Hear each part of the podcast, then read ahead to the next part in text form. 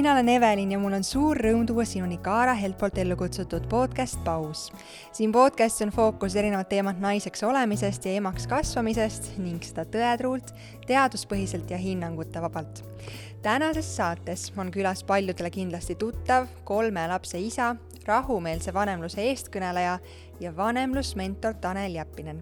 jõuluajale kohaselt räägime saates jõulumaagiast, kuidas luua pühade melu ja traditsioone lastega pered stressivabalt, kuidas vanemana säilitada rahu ning realistlik meel lapse soovide ja ootuste osas ning kas meil vanematena on õigus survestada oma lapsi jõuluvanale patsu tegema või sülle istuma, et sellest toreda fotojäädvustuse saaksime. tänase saate toetaja Nudist Drinks esitleb Totally Pointless Glöög. ehtsate tonkaubade ja klassikaliste vürtsidega alkoholivaba jõulujook, millesse suhkrut ja erinevaid aineid seekord ei lisatudki Pole midagi umamimat kui happeline jook koos tonkaubadele omase martsipani ja vanilliliku aroomi ja maitsega. parim ja ka kõige kallim komponent, mida nudist oma glögidesse kunagi on raatsinud panna kuigi selle kiuste ikkagi väga soovitavad. sooduskoodiga paus saad nudistrinks.com lehel miinus kakskümmend protsenti ja sooduskood kehtib kuni kolmekümnenda detsembrini. head kuulamist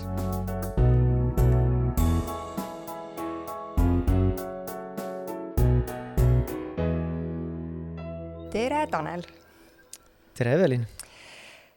praegu on äh, jõuluperiood ja ma usun, et see on äh, väga paljudele inimestele hästi maagiline, võib-olla ka mitte nii maagiline, äh, küll aga on üks kindel, et kui peres on lapsed, siis tuleb lapsevanemana tahes või tahtmata mingeid kohustusi justkui juurde selle jõuluperioodiga. ja sellest äh, ma tahaks, sa juba muigad ja võib-olla tahad ümber lükata seda kõike, mis ma praegu ütlesin äh,, ja ma lasen sul seda vabalt teha, aga ma selle juurde tuleks kohe tagasi, et aga sinust võib-olla sellist äh, paremat pilti ette saada. kas sa võiksid maalida mulle pildi oma lapsepõlve jõuludest, mis sulle kõige eredamalt meenub mingid traditsioonid, mingid hetked kui maagiline aeg see sinu jaoks oli lapses? Vot seda küsimust ma ei osanud ette oodata, et ma ei olnud ette valmistunud või ma ei olnud mõtisklenud sellel teemal.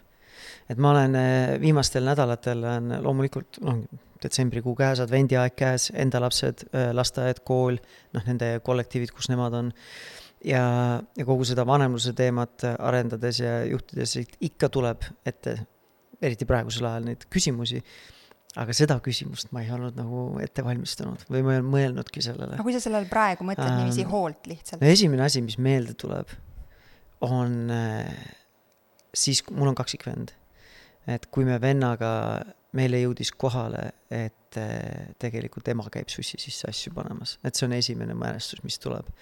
kindlasti oli seal muid osasid ka selliseid nagu ma ei tea, tegelikult isegi see selle nii-öelda tõe teadasaadmine, ta ei olnud nagu meie jaoks mingi hullult traumeeriv, mõne lapse jaoks võib-olla, et nagu maailm kukub kokku, mida ta on uskunud ja, ja, ja arvanud, on ju.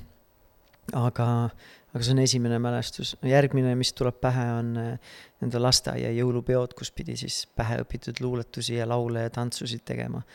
Eh, ja, ja siis noh, kohustuslik jõuluvanaga pilt teha kus mina, kui ma nüüd mäletan, mul on äh, hiljuti äh, ema lahkus äh, meie seast ja siis kõik need perealbumid ja lapsepõlvepildid, mida me vaatasime, see ongi, ma, minu, nii palju, kui ma mäletan neid pilte, siis minul ega vennal kummalgi ei olnud viltust nägu, aga oli teisi äh, lapsi, kelle, kes on nagu taustalehel, kui meid on pildistatud, kellel on viltune nagu, et et just see, et nagu sunnitakse jõuluvanaga pilti tegema, kui laps võib-olla selleks ei ole valmis, võib-olla kardab, võib-olla hirmus. et sellised esimesed, need on esimesed mälupildid, mis tulevad. ja noh, kindlasti loomulikult need kingituste saamine ja paratamatult sealjuures ka siis mittesaamine ja pettumine, sest noh, minu varajane lapsepõlv jääb sinna hilisesse Nõukogude aega ja varasesse Eesti Vabariigi aega kus äh, ei olnud võib-olla isegi võimalik, isegi kui vanematel oleks olnud ressursse, ei oleks olnud isegi võimalik mm. kõiki neid soove täita. aga eraldi küsimus ongi, et kas nüüd kõik laste mänguasja soovid peavadki täituma, on ju. et, äh, et ongi see nii-öelda ootusärevus, äh, see rõõmutunne kingituse saamisest, aga kindlasti ka, kindlasti ka see vastupidine, see pettumus, kui ma ei saa seda või ei saanud seda, mida ma nii väga tahtsin mäletad sa, kui vanad te vennaga olite, kui te saite teada, et see on võib-olla ema, kes seal sussi sees käib? Ei no see ei olnud võib-olla, me nägime ta, vahele nagu, et eh, noh, iseasi ongi, kas me nüüd kohe panime kõik kokku või hakkasime siis omaette arutama, aga see oli, ma julgeks arvata, et see oli enne, kui me kooli läksime, ehk siis me olimegi noh, ilmselt kuus. me oleme suvel sündinud, ma arvan, et kuus, kuus pool. umbes sama kui mu poeg praegu on et tema täna teab, et äh, on jõuluvana seal põhjapoolusel, kes äh, toimetab või? meie lapsed teavad mõlemad, et ei ole seda jõuluvana, kes äh, üksinda kogu maailma kingitused laiali veab, oma töökohas kõik kingitused teeb ja olen, sõltuvalt sellest, kui hea või halb keegi on, siis kas ta saab oma kingit-, kingisoovid täidetud või mitte. et äh, see on see tee, kuidas meie, mida pidi meie oleme otsustanud äh, läheneda sellele jõulude nii-öelda selle maagia hoidmisele. aga ma ütleks, et, et see ei tähenda, et see jõulud on seetõttu meie peres vähem maagilised kui mõnes teises peres. et äh, see on lihtsalt see, kuidas meie oleme otsustanud oma argumentidel, millest me võime täna rääkida, ei pruugi äh,. aga kuidas me oleme otsustanud sellele läheneda. millised need äh maagia, ma ei tea, vormid või, või mis see on, mis teeb äh, täna teie peres äh, sul, sinu lastele selle jõuluaja maagiliseks, mis sa ise arvad? Ma kõigepealt tegelikult keeraksin selle ümber ja küsiks sinu käest, mida, mida sinu jaoks jõulumaagia tähendab, kas praegu täiskasvanu või näiteks lapsepõlves, et mis see jõulumaagia on üldse teie, sinu jaoks või teie pere jaoks? sa paned mind äh, väga ebamugasse olukorda, Tanel, sest äh, tead, minu peres on olnud alati nii, et äh, äh, mu päritoluperes mu ema tegi kõik selleks, et see maagia oleks hästi tõetruu. Et oleks justkui, seal ei olnud eksimisruumi, seal ei olnud võimalust, et jõuluvana või päkapikk ei ole, sellepärast et tuhksuhkrust olid igal jõululaupäeval tehtud äh, saapajäljed ümber kuuse. ja kirjad olid äh, põletatud äh, paberiservadega, kindlasti mitte käekirjas, mis kuulub mu emale või isale ja, ja selliseid pisikesi elemente, ähm, mis kaasnevad jõuluajaga, olgu selleks, ma ei tea, piparkookide tegemine, kuidas selle traditsiooni saab üles ehitada nii nagu perekeskselt ja nii lõbusalt, mitte lihtsalt argipäeva tavalise toimetusena, et need kõik kokku sellise ühise kompotina moodustasidki minu jaoks selle jõulumaagia, mida ma täna väga tugevalt proovin ka oma peres hoida, küll aga äh, ma võib-olla tunnen, et kuna see maagia minu sees, mida, mis uskumus mul jõuludest oli, oli nii tugev, siis see kukkumine, kui ma sain aru, et see päris, päris kõik ei olegi nii, nagu ma olin arvanud eelmised, ma ei tea, kas kaksteist aastat äkki või äh,, siis ma arvan, et ma olin umbes kaksteist, kui ma sain teada, et jälile, et ei olegi päris kõik nii, siis äh, ma kindlasti oma peres tahaksin rakendada võib-olla natukene teistsuguseid meetmeid selle maagia hoidmise mm. kõrval, selleks et see päris maailma sisenemine ei oleks nii ränk, ma ei tea, kas see on isegi õige mm -hmm. sõna, aga see oli, see oli päris valus, ma mäletan lapsena. aga see maagia ise? see elab ikka mu sees. no näed, et eh, ja see ei ole ju, see ongi see, kuidas sinu vanemad otsustasid seda teha ja kui aus olla, kui ma kuulan seda, siis tundub hullult äge, noh, seal mulli sees olla aga nüüd, kui ma ise lapsevanemana mõtlen, mul, mul ei ole ressursse. mul ei ole huvi nagu nii palju kõike seda teha, nagu see on nagu meeletu nagu mentaalne koormus ja ma kujutan, ajakulu ka nagu.. et kõike seda teha ja, ja kui kellelegi on see tähtis ja minu asi ei ole öelda, et nad ei tohi ju seda teha. loomulikult tehke seda, mis enda peres õige tundub. et, et see ei ole nagu, seal ei ole väga palju õiget või valet. küll aga tuleks siis kaaluda ja mõelda erinevatele asjadele et äh, üks põhjus tegelikult, miks me otsustasime nagu suhteliselt vähe algusest peale, kui meil lastel hakkas üldse teadvus tekkima, mingi, ma arvan, et oligi, tütar meil oli kaheseks saamas, kui me nagu rääkisime ja poe, poega meil ei olnudki veel olemas, teist last. Äh, kui me rääkisime naisega sellel teemal, kuidas me tahame neid asju enda peres nagu lahendada või kuidas me tahame seda jõulu, jõulu pidada, milliseid traditsioone luua, kui palju me ise oleme valmis panustama. siis üks asi, mis oligi natukene võib-olla isegi hirmul baseeruv põhjus, miks me otsustasime, et meie lapsed algusest peale teavad, et ei ole nagu olemas seda ühte jõuluvana ja ei ole mingi päkapikke, kes neid luuravad ja vaatavad mm. ja käivad neile asju, asju sussi sisse panemas. oligi see, et kui ma olin selle, sel ajal juba oma neid vanemlusmentori õpinguid äh, alustanud, alustamas ja siis ma nägingi Youtube'i videosid ja Facebooki videosid, ongi nagu eelteismelistest lastest, kes sõbrad filmivad, kuidas ta nagu proovib sõpradele pisaratega võidelda, nagu võidelda, sest ikka päriselt jõuluvana on olemas. ja kuidas sõp-, sõbrad nagu mingil ajal ikkagi pilkavad teda, nagu filmivad seda, ma mõtlesin, et see on nagu, kui suur nagu, mis tema sees peab toimuma, kui see maailm kokku kukub ja mitte ainult see jõulumaagia, aga usaldus vanemate vastu. ja, ja see on täiesti nagu dramaatiline äärmus, et aga see oli üks nagu põhjus, ma, mis mina leidsin, et et me saame seda jõulumaagiat hoida nagu teistmoodi ka elus, et me ei pea selle jaoks looma mingi illusiooni. ja see ei tähenda, et teised ei või seda teha, aga meie otsustasime Äh, kust, kus me nagu paneme mingil määral nagu sellise aja selle pommi sinna, aja süt-, viitsütikuga pommi sisse, et me ei tea, kuna see lõhkeb, sest see ei sõltu enam meist, et ongi kuna, siis ta väljaspoolt saab teada selle signaali, et nüüd on kõik korras, on ju. kui meil ei ole iseendal seda julgust võtta, kaheksa või kümne või üheksa aastase lapsega ise rääkida, kuule, näed, nüüd on nii, on ju. aga võib-olla need ei oleks isegi niimoodi läinud, võib-olla laps oleks selle mulli sees elanud ja mingil hetkel ise hakanud mõistma ja meie suhe oleks olnud piisavalt eh, turvaline ja avatud, et ta tuleb hmm,. mul on nagu kahtlused tekkinud, kas päriselt on nagu jõuluvana olemas või mitte, on ju. et võib-olla ta oleks ise tulnud enne, kui on sellised väga traumeerivad potentsiaalsed kogemused olnud, on ju see on siis minu viis, kuidas küsimusest kõrvale põigata nüüd. aga see on väga asjalik viis ja mulle väga meeldib see, kuhu sa selle jutuga jõudsid, kas ähm, hoolimata sellest, et võib-olla ei ole seda ühte jõuluvana, kes seal töökojas päkapikkudele juhiseid annab ja, ja muud toimetab, sellised igapäevased jõulused tegevused, tea, perega piparkokkide küpsetamine, uisutamas käimine, kelguga sõitmine on need midagi, milles sa arvad, et on võimalik sellist maagiat kanda? sest jõulu no mina, ongi, minul on ainult, eelmine aasta me tegime ühe jõulude teemalise töötoa, mida muuhulgas kui sotsiaalmeedias vaadates leiab vist selle viitega, et see aasta saab seda salvestust meilt soetada. aga eelmine aasta me siis tegime sellise jõulude teemalise töötoa, kus üks osa oligi see, et kas lastega rääkida jõuluvanadest, eh, mis on nagu plussid ja miinused, et ei olnud minu asi öelda, et kõik peavad rääkima, aga et teadvustame vähemalt plusse ja miinuseid, ohte või, ohte ja võimalusi. nagu selle rääkimise üheks ohuks on ka see, et võib-olla need jõulud ei ole nii maagilised, kui kuskil filmides räägitakse, on ju et see on potentsiaalne oht, on ju, selle, sellel. et mõlemalt poolt need plussid-miinused nagu läbi kaaluda, et pered teeksid teadliku otsuse ja siis, kui nad otsustavad rääkida nii, nagu asjad on, siis kuidas seda teha, on ju.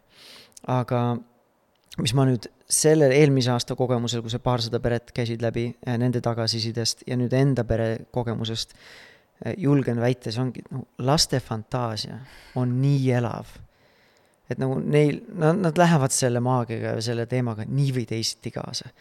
ma lähen lapsega kuskile mingi lumekuninganna või Elsa etendusele, nagu ta elab selles mullis, ta vaatab, silmad säravad ja va-, elab nii elava näoga nagu ma näen, et ta on, ta on selle etenduse osa otsekui ja samamoodi ka nüüd me eelmine aasta olime Hispaanias, seal meil ei käinud jõuluvana äh,. aga nüüd, kui me kaks aastat, kaks talve tagasi olime Eestis, siis meil oli tellitud näitleja, kes jõuluvana tuli. lapsed teavad, et see on tellitud näitleja. Nad ei teadnud, et ta tuleb, see oli üllatus neile, on ju. aga nad teavad, et see ei ole jõuluvana, see üks ja ainus jõuluvana, kes tuleb ja käib nüüd kõik ja nüüd leidis aega nende juurde tulla.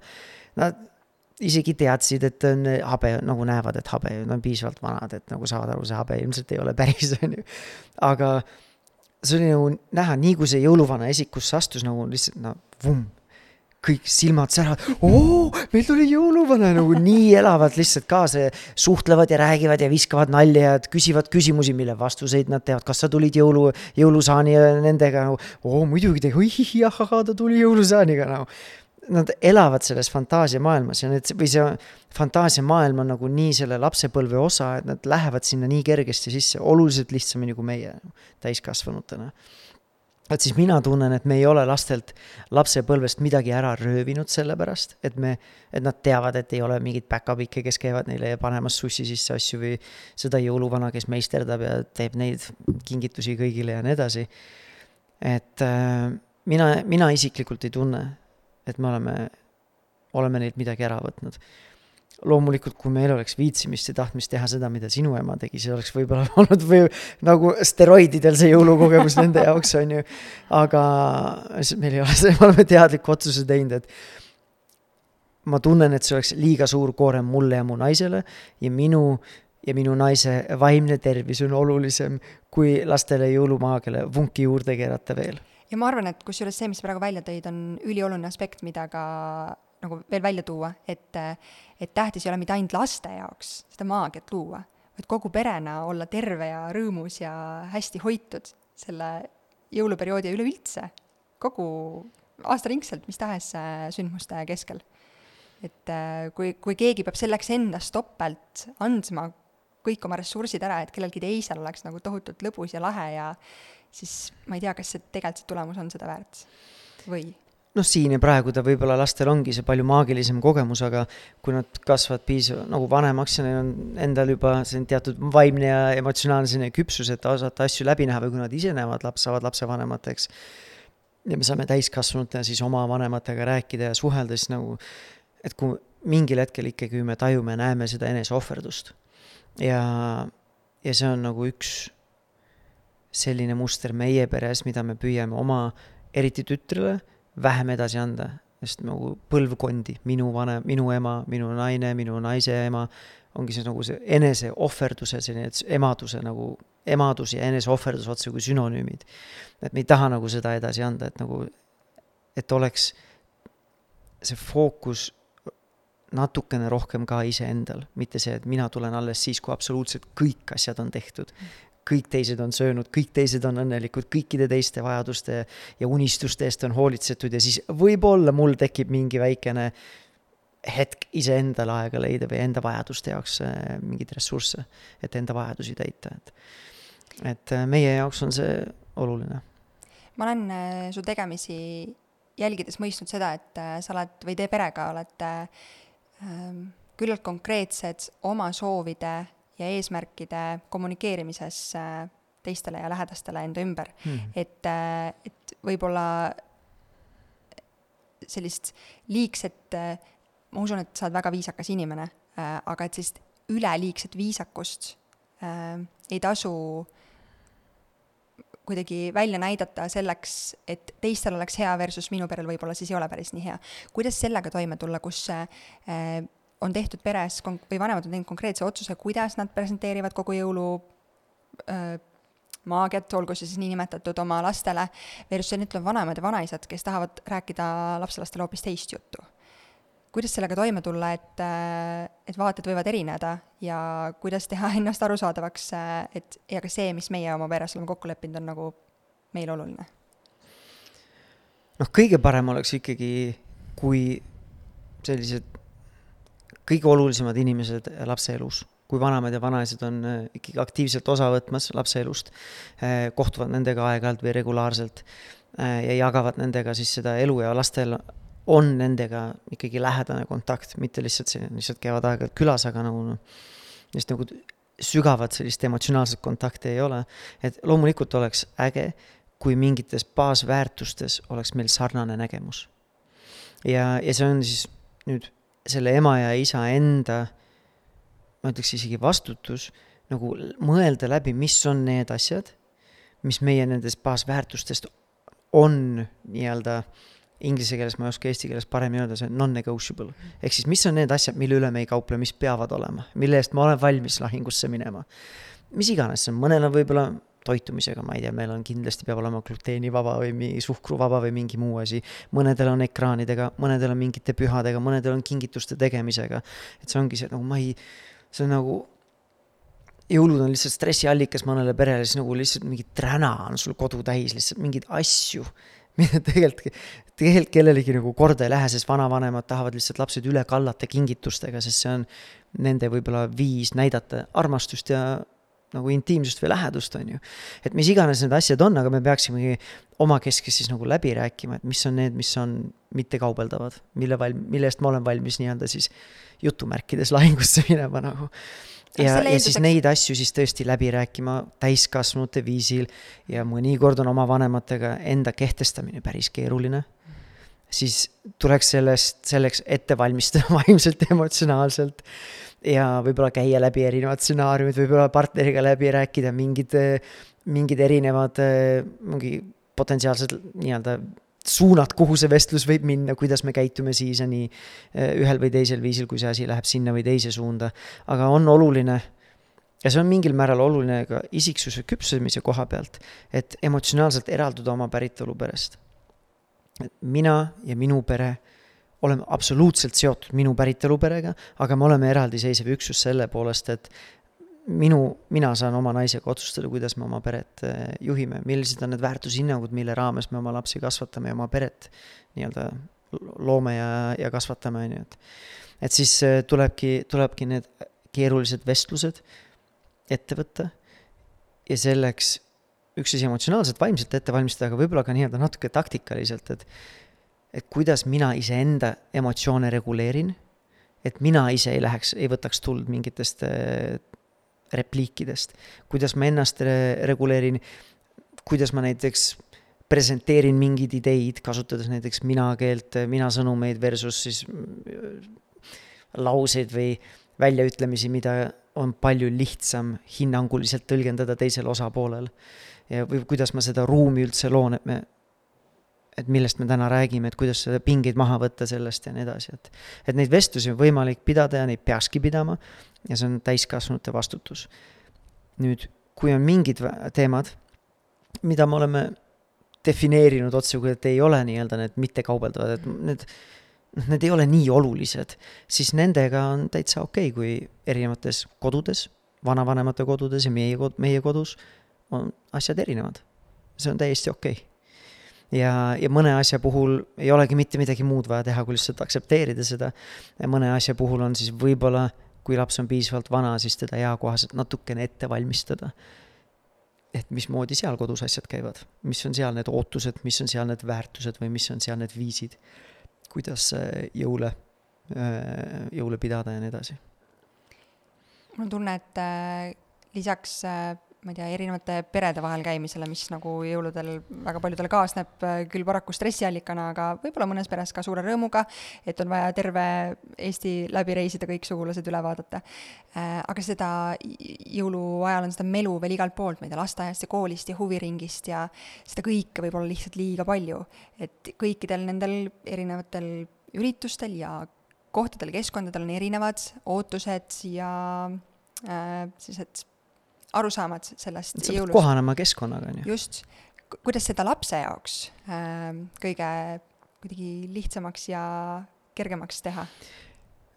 nüüd ongi, et kui mulle täiskasvanuna tundub, et seda kõike on liiga palju, siis mis sa, mis sa arvad, kuidas, kas lapse jaoks on seda võib-olla ka liiga palju, aga või siis suva nagu?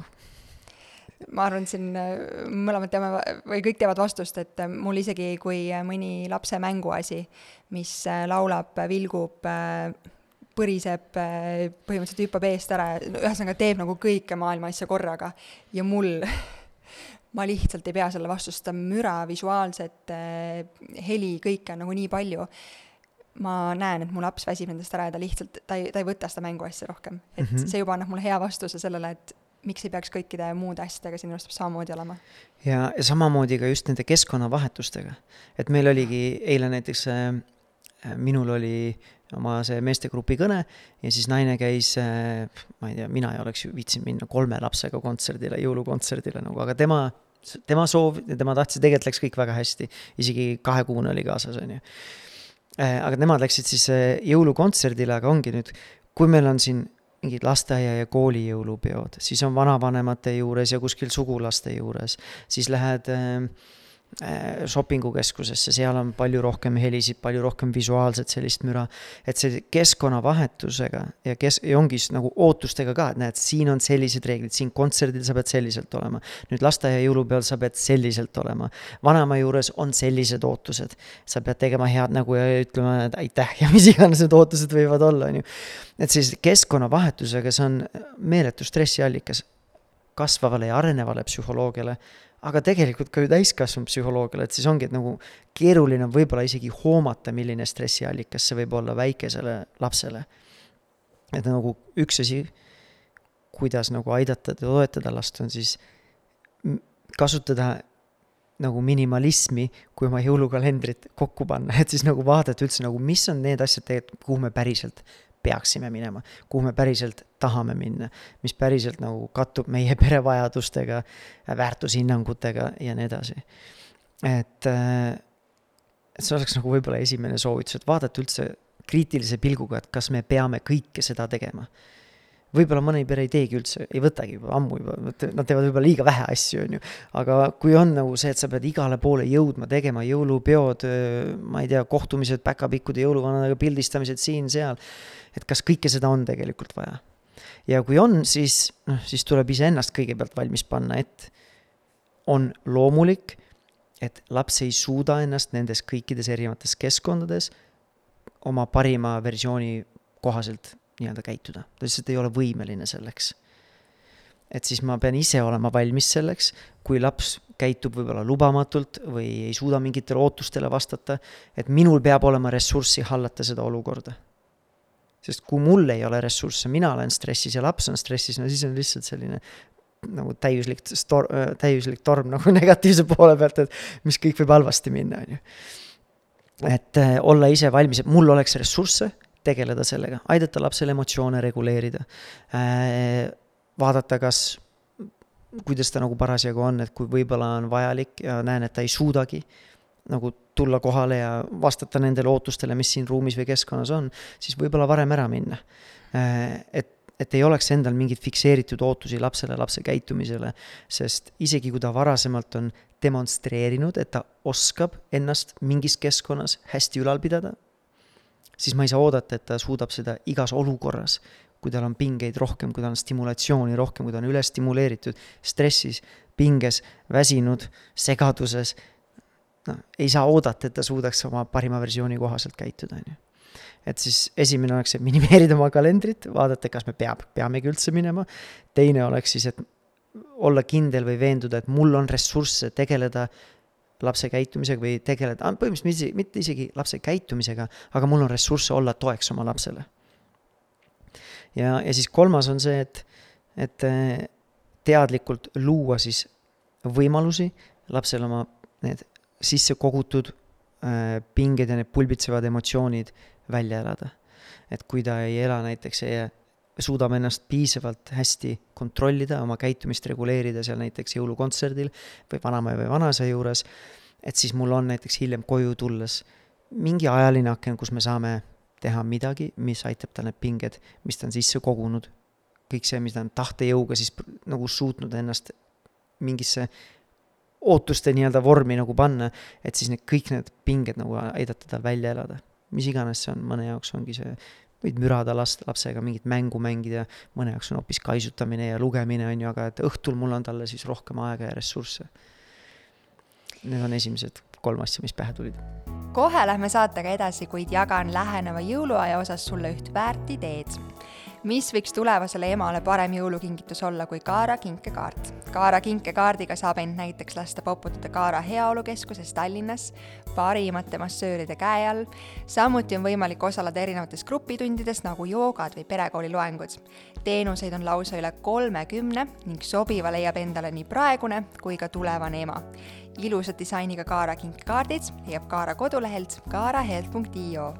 tagasi saate juurde vanemlusmentorina, ma kujutan ette, et sa oled väga paljude vanematega kokku puutunud ja kindlasti ka tänavapildis poes käies äh, tahes või tahtmata kuulnud äh, pealt äh, mingeid loosungeid, repliike, mis emad või isad. Kommi vahes poes kõhuli olevale lapsele ütlevad ja, ja välja toovad, sa hiljuti tegid ka postituse sellest, et äh, päkapikkude ja jõuluvanaga võib-olla hirmutamine, et nad piiluvad, ei ole kõige paslikum, miks? no üks asi juba see ähvardamine, et näed, kui sa nüüd seda ei tee, siis ma ei tea, sa jääd kingitusest ilma ja, ja nii edasi, et, et see minu jaoks on natukene sellise nagu vanemliku vastutuse lükkamine mingitele fiktiivsetele tegevustele te,, tegelastele, et nagu näed, et et, kui sa mind ei kuula, siis nagu vähemalt näed, siin on üks mingi päkapikk või kes sind vaatab ja nii edasi, et, et ähvardada sellega.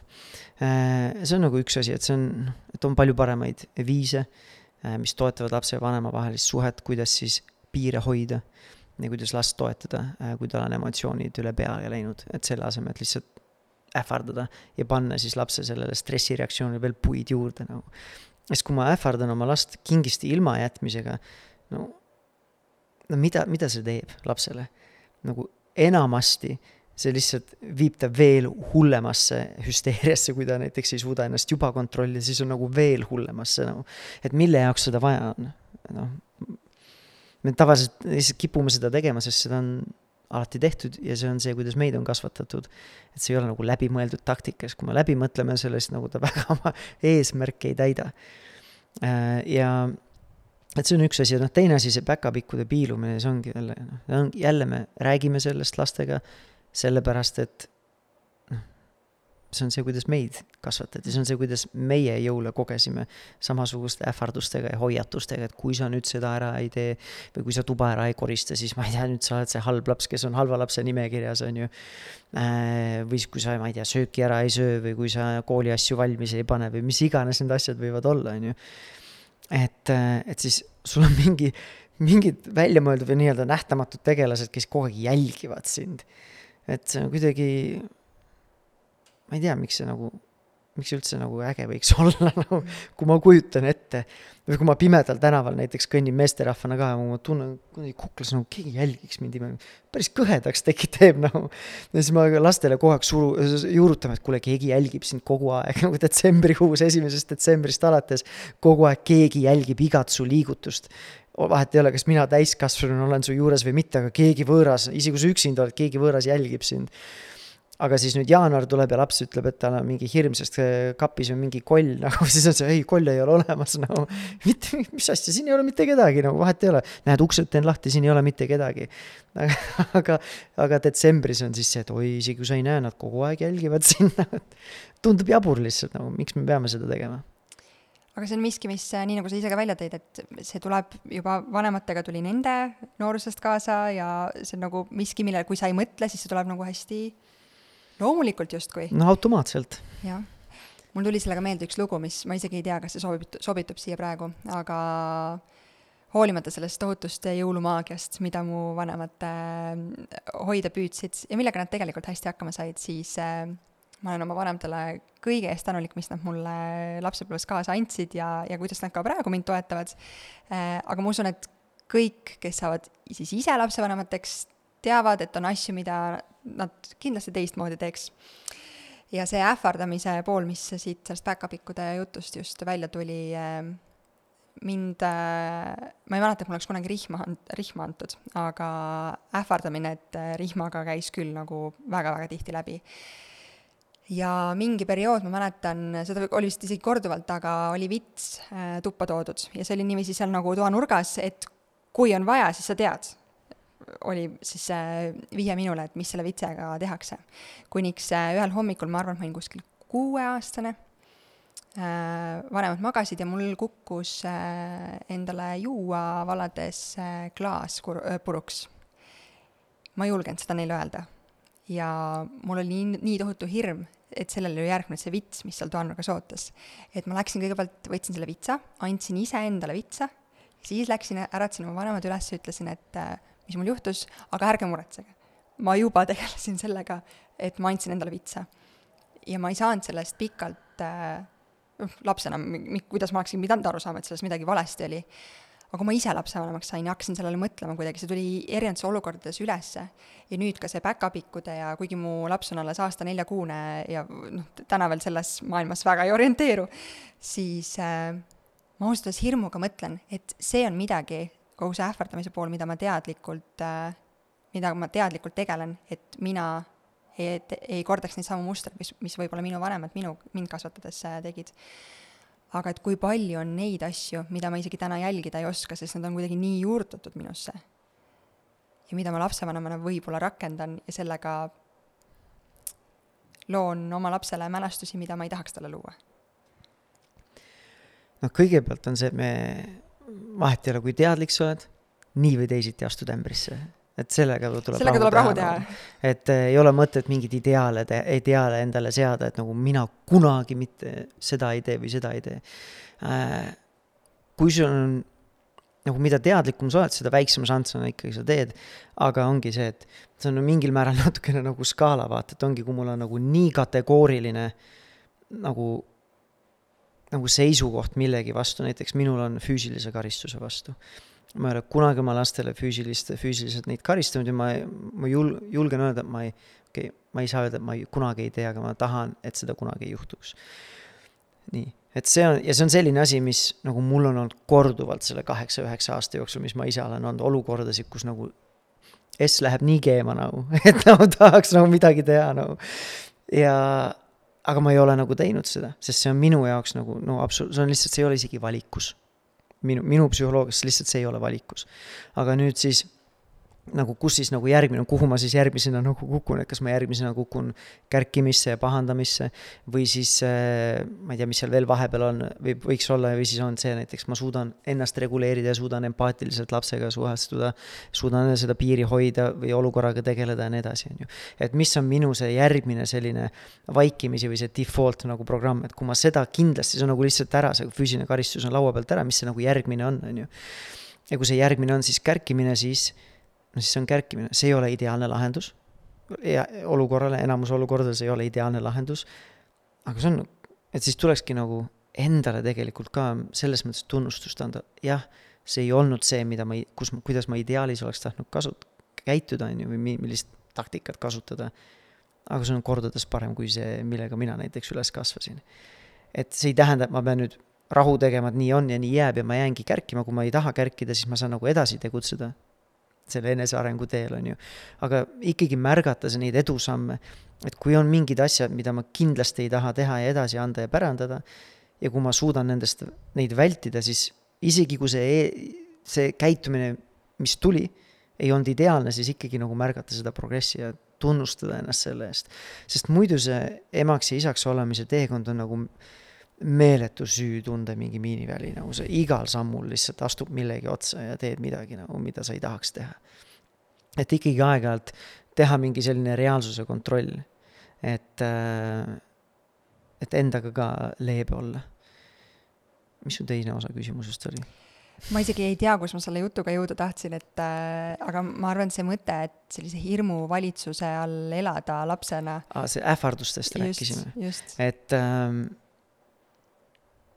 jah, et noh, üks siis ongi see, et millest ma just rääkisin, et noh, teine asi ongi see, et, et võttagi seda kui teekonnana, näed, kui ma praegu veel kasutan ähvardusi, aga ma ei tahaks, siis ma saangi sellega tegeleda.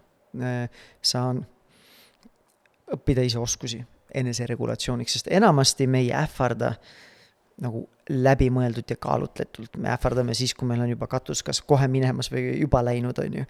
me nii-öelda käitume meelevaldselt äh,, enesevalitsuse oleme kaot-, kaotanud või kaotamas, on ju. et siis ma saangi ise ju õppida oskusi, kuidas ennast paremini reguleerida, tõsta enda võimekust situatsioonilise stressiga paremini toime tulla.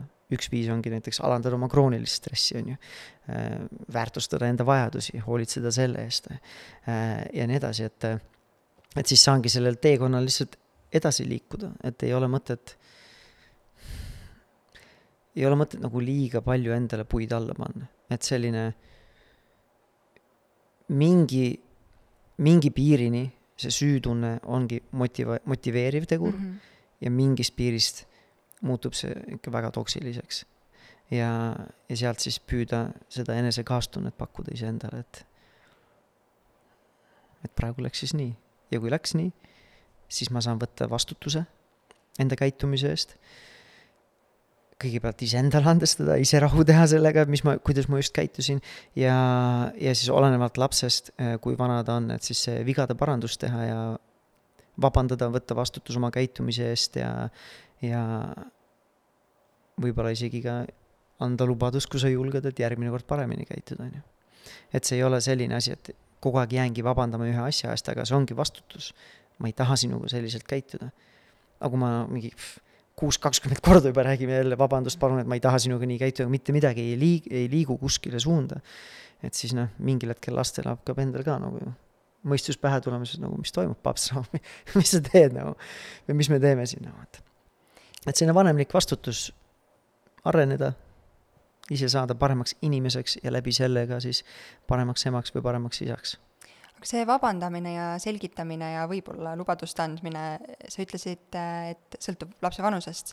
ma ise tunnen, et kui ma olen eksinud, aasta neljakuusega on ka neid olukordi ette tulnud, siis äh, hoolimata sellest, et ta võib-olla täna kõigest aru ei saa äh,, ei saanud ka üheksakuusena või kümnekuusena aru äh,, mis ma talle ütlesin, siis ma tunnen, et enda kasvatamise osas see, et ma ka sellele pisikesele äh, selgitan ja vabandan, miks ma nii, et, et ma nii käitusin ja miks ma seda tegin, on minu endas sellise uue mustri loomine, mis võib-olla, et kui ma hakkan kolmeaastasest seda tegema, kui laps on kolmeaastane, siis see võib-olla tuleb palju raskemalt kui see, et ma olen nagu harjutanud seda äh, step by step kindlasti.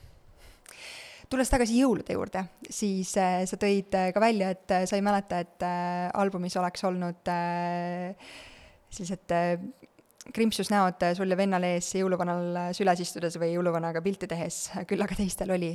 see on miski, mis ma näen nagu tohutu suure probleemina tegelikult, et äh, lapsi surutakse pildi jaoks jõuluvanale sülle, lapsed nutavad, kriiskavad, emme, ma ei taha miks me seda teeme ja kuidas sellega tegelikult õigesti toimida? Äh, no mina ei usu, et lapsed peaksid võõra inimese sülle käsu peale minema ja siis seal, ja siis seal veel äh, head nägu tegema, on ju, ja naeratama, sa ei tohi olla nutuse näoga, no mida pekki, noh. et noh, kui me tahame lapsevanematena, me nii väga tahame seda mälestust, siis ma võingi öelda, näed kui sa tahad, sa saad sinna sülle minna, me saame pildi teha ja kui sa ei taha, siis ei pea minema. et, et laps ise õpib, eh, no see ongi juba tänapäeval kogu selle äh, feministliku ja liikumisega ka, et räägitakse, no isegi ma ei tea, kas feministliku liikumisega, et näiteks noh, seksuaalses kontekstis on alati see ikkagi nõusolek vajalik, on ju. aga nagu kus kuidas me õpetame seda nõusolekut, kui lapsepõlves ta peab käsu peale tegema midagi, mida mingi autoriteet, olgu see lapsevanem, kasvataja või õpetaja, ütleb, et sa pead tegema, isegi kui see sulle, sinu enda psühholoogiale ei tundu õige, sa ei taha, sa kardad, sul on ebamugav, mis iganes, aga sa pead seda tegema, noh. tundub suht jabur nagu, miks, miks ta peaks seda tegema kui me ütleksime, kera-, keeraksime aega edasi ja nüüd see tüdruk on kuusteist või ütleme, poiss on kuusteist ja keegi sunnib teda enda kehaga tegema midagi, mida ta ei taha teha, siis see ei oleks siis, me isegi ei mõtleks, kas see on mõistus, kas see on okei okay või ei ole okei okay., see ei ole okei okay ju. miks me siis peame väiksele lapsele sedasama tegema nagu miks tema peab enda kehaga laskma teha midagi, mis talle ei tundu okei okay.. et ma lahendakski selle niimoodi, et paku, ütlekski lapsele, miks see võiks äge olla, miks mulle meeldiks, et oleks äge pilt saada või, või, või mis iganes mul see põhjus on. ja siis andagi lapsele valikuvõimalus, et kui sa tahad, siis lähme saame ägeda pildi teha ja kui sul mingi hetk tundub, et sa ei taha, siis me ei pea seda tegema ja kogu lugu noh. minu meelest äh, ja väikest last, kes ei suuda nagu ennast verbaliseerida mm, -hmm. siis kui ma paneksingi ta üldse jõuluvana sülle, siis võtaks, ma võtaksin ta kohe ära, kui ta hakkab nutma. või näitab, et talle nagu ei sobi see asi.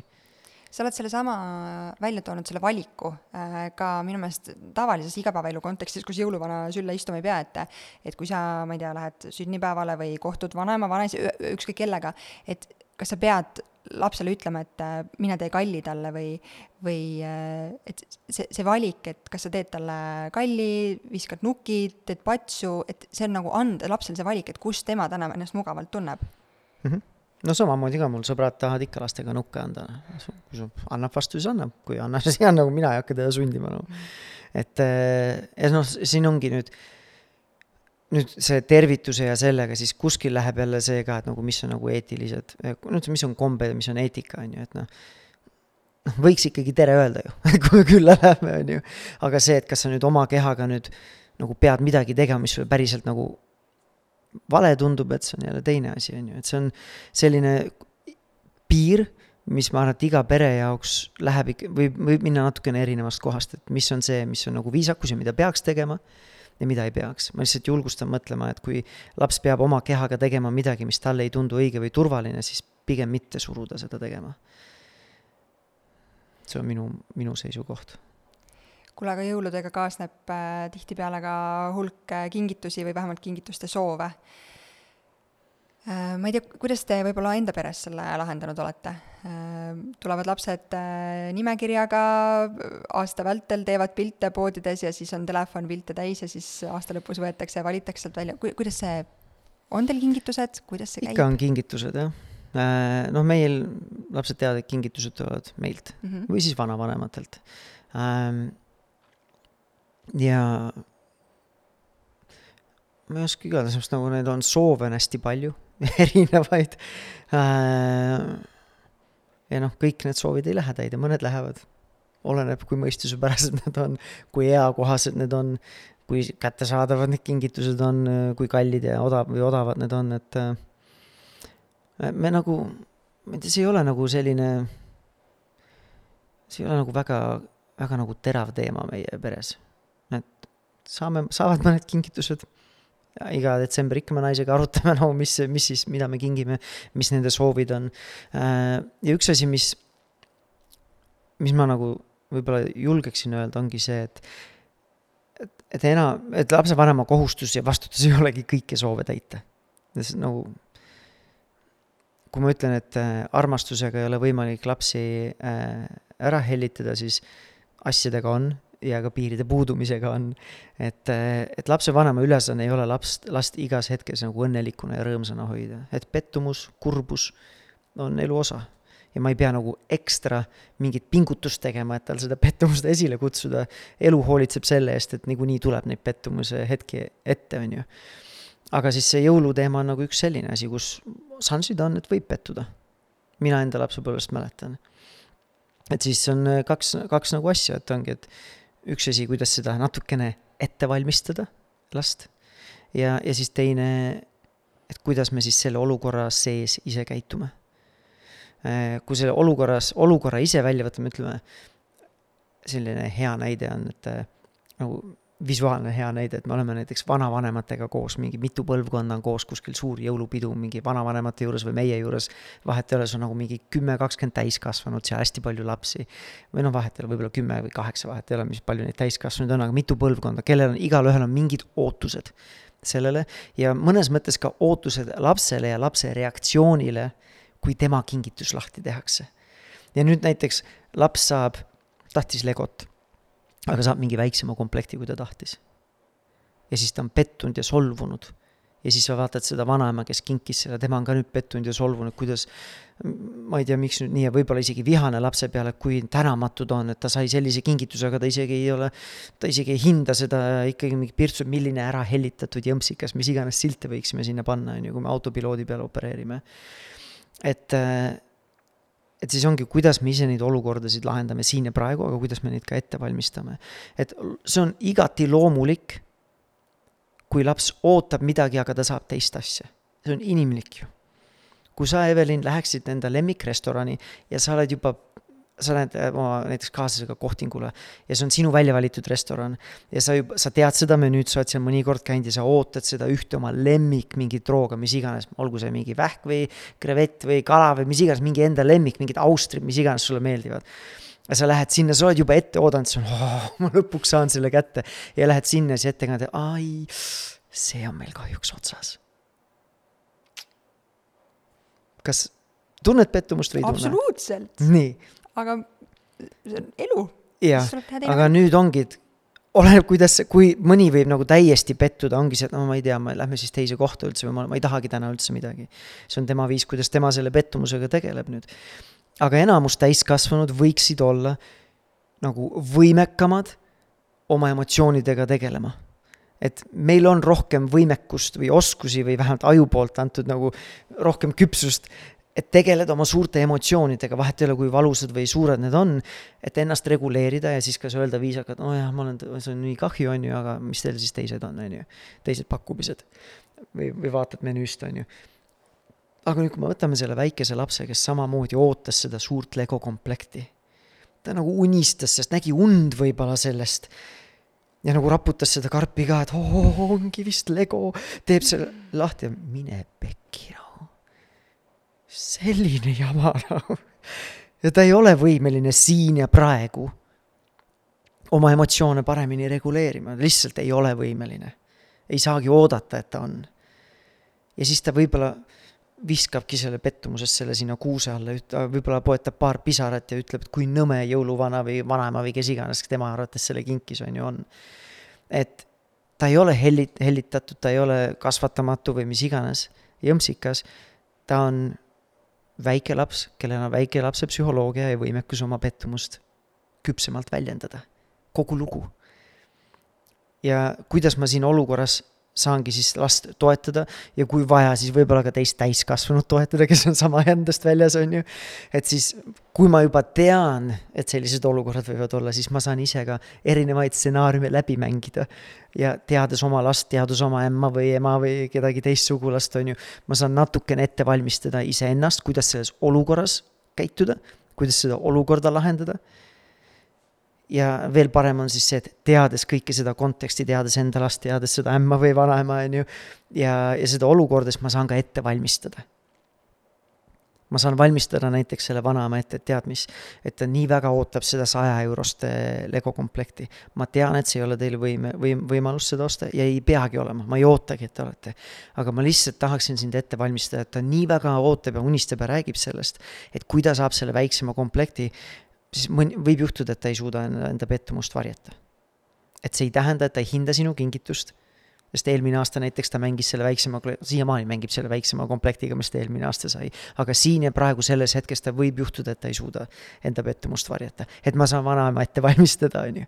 ja samamoodi ma saan siis oma lapse ette valmistada, siis mõtlen, et hmm, sul on tõesti hästi pikk jõulunimekiri nagu, et nagu äh, ma näen, et see, need, need asjad oleks tõesti hästi-hästi vahvad.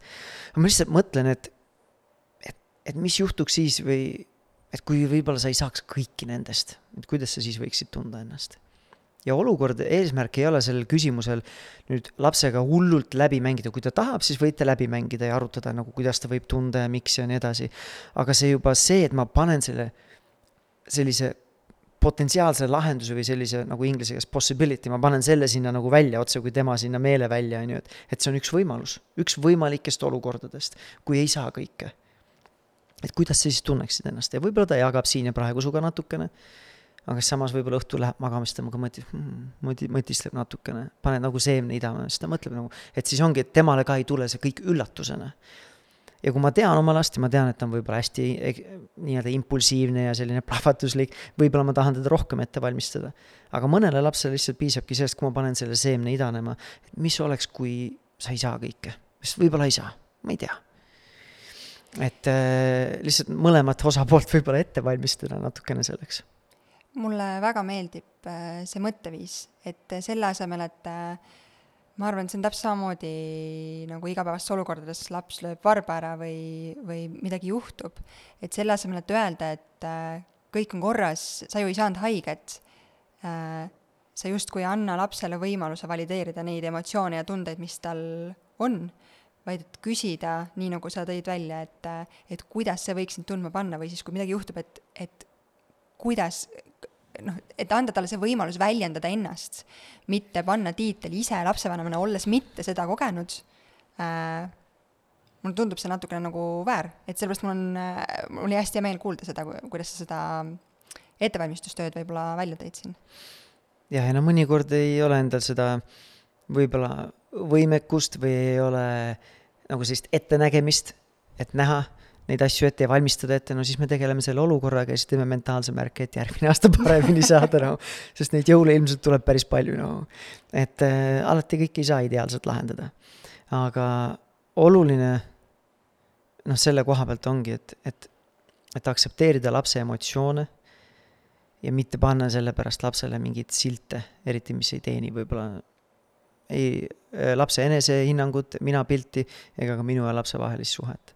ja nüüd mõnikord, teades jällegi oma ämmasid, äiesid või vanaemaid ja vanaisaid, siis mõnikord tuleb ikkagi nendega tegeleda ja nende, neid just nagu ette valmistada. et see ongi, et noh, lapsel on õigus tunda emotsioone. et äh, kui ta on õnnetu või kurb või, või mis iganes ta on, et siis see on okei okay., et nemad ei võtaks seda isiklikult, see ei ole isiklik, ma ei tea, rünnak nende pihta kui vanaema või vanaisa või nende väärtuse kohta lapse elus, on ju. kui palju sa täna ise tunned, et sa vajad sellist äh, teadlikku tööd äh, endaga neis lapsevanemlust puudutavates olukordades, on see miski, mis lapse east sõltuvalt kogu aeg nagu tulevad uued asjad esile, tunned sa, et sa täna, kolmas laps on küll veel väga pisi, aga et ikkagi kahe lapsega ees oled juba kala vees nendel teemadel või pead sa endale õlale koputama ja iseendaga tegelema igapäevaselt ikka? Ma ei tea, kas igapäevaselt, aga samas ikkagi konstantselt, et äh, ma tunnen, et see ei ole selline asi nagu, mis valmis saab, et loomulikult, et nii-öelda see teadlik töö või see fookus, mis mul praegu on, on hoopis teisel as-, asjadel võib-olla, mis oli viis aastat tagasi. Äh, et enda nagu mingites olukordades iseenda emotsioonide reguleerimine tuleb väga palju lihtsamalt ja automaatselt, võrreldes näiteks viie aasta taguse töö, viie aasta taguse ajaga, on ju. aga mingid teemad on ikkagi, mis Äh, mis ikkagi nõuavad kas siis väga teadlikku lähenemist siin ja praegu või siis vigade parandust ja oma vigade tunnistamist pärastpoole, on ju. ja, ja mingid asjad tulevad lapse kasvamisega samamoodi, et et nagu noh, mõned ütlevad, on ju, et väiksed lapsed, väiksed mured, suured lapsed, suured mured, et ma ei teagi nüüd, kas need on nagu suuremad, aga, aga need väljakutsed muutuvad absoluutselt. et kui me meie tütre esimest klassi me tegime koduõppel näiteks. me elasime Hispaanias, tegime koduõpet ja nüüd see aasta ta läks esimest korda koolikollektiivi.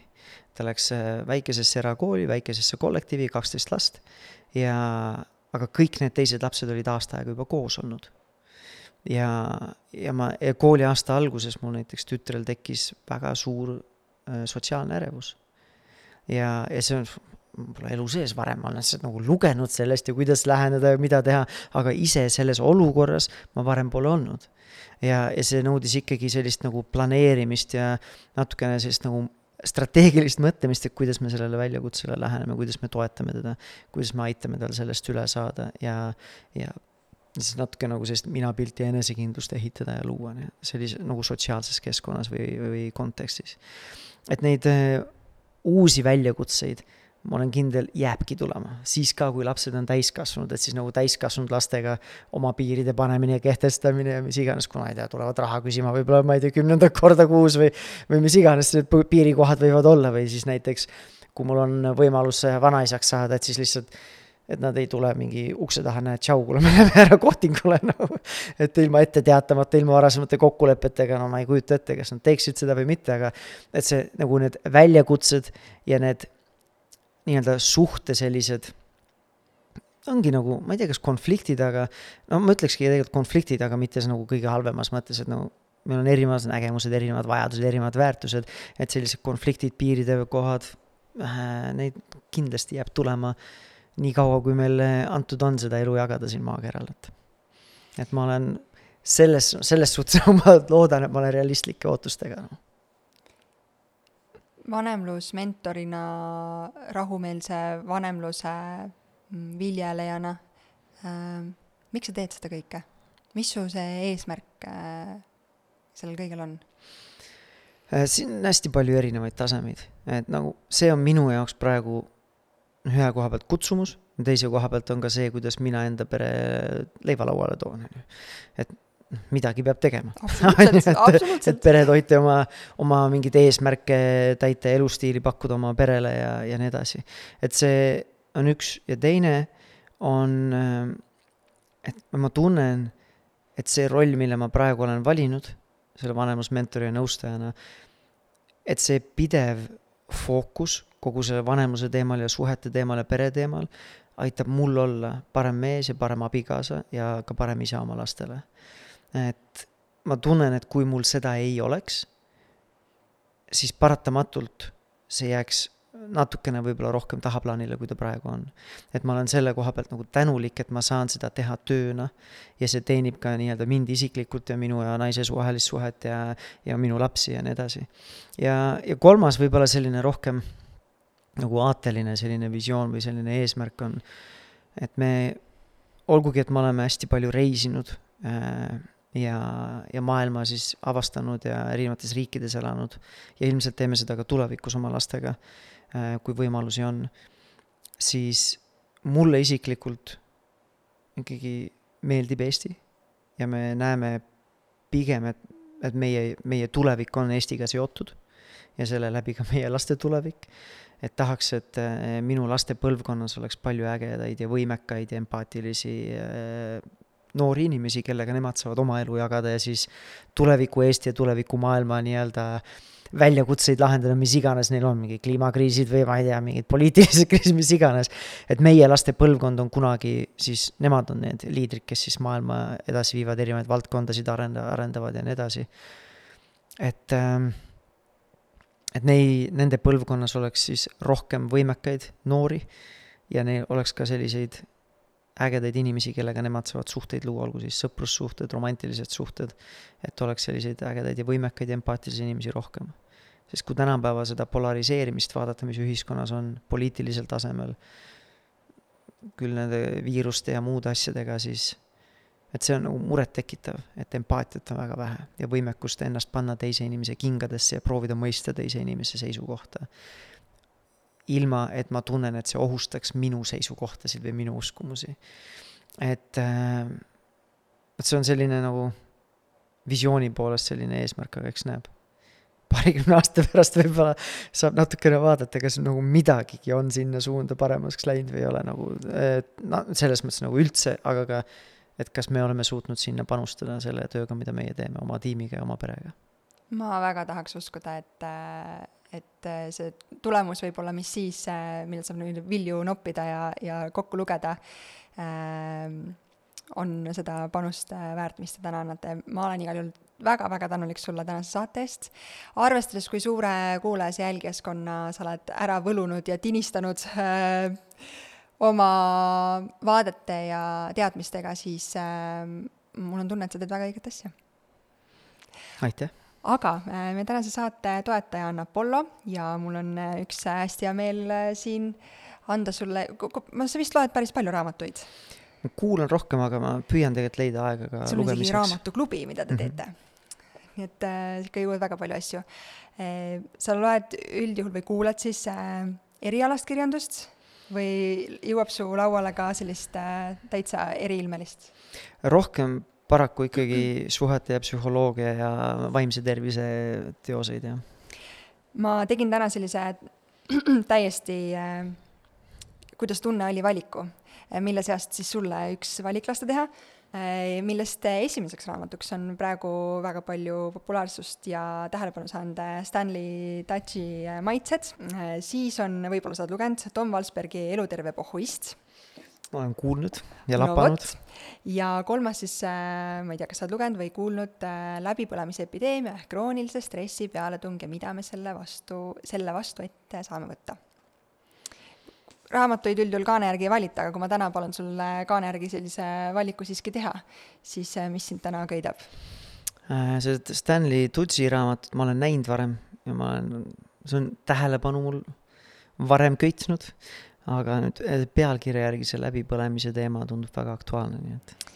nii et äh, ma loodan, et sa saad siis sellest läbipõlemise epideemia raamatust häid mõtteid äh, või varasemate teadmiste kinnitust, mis on ka minu meelest hästi oluline mm. šansid on suured, et see jõuab ka Rahumeelse Vanemuse raamatuklubi no vot, nii et siis varsti saad äkki soovitada teistele ka edasi. aitäh sulle, Tanel, selle suurepärase saate ja mõtete jagamise eest! aitäh sulle, Evelin! tšau!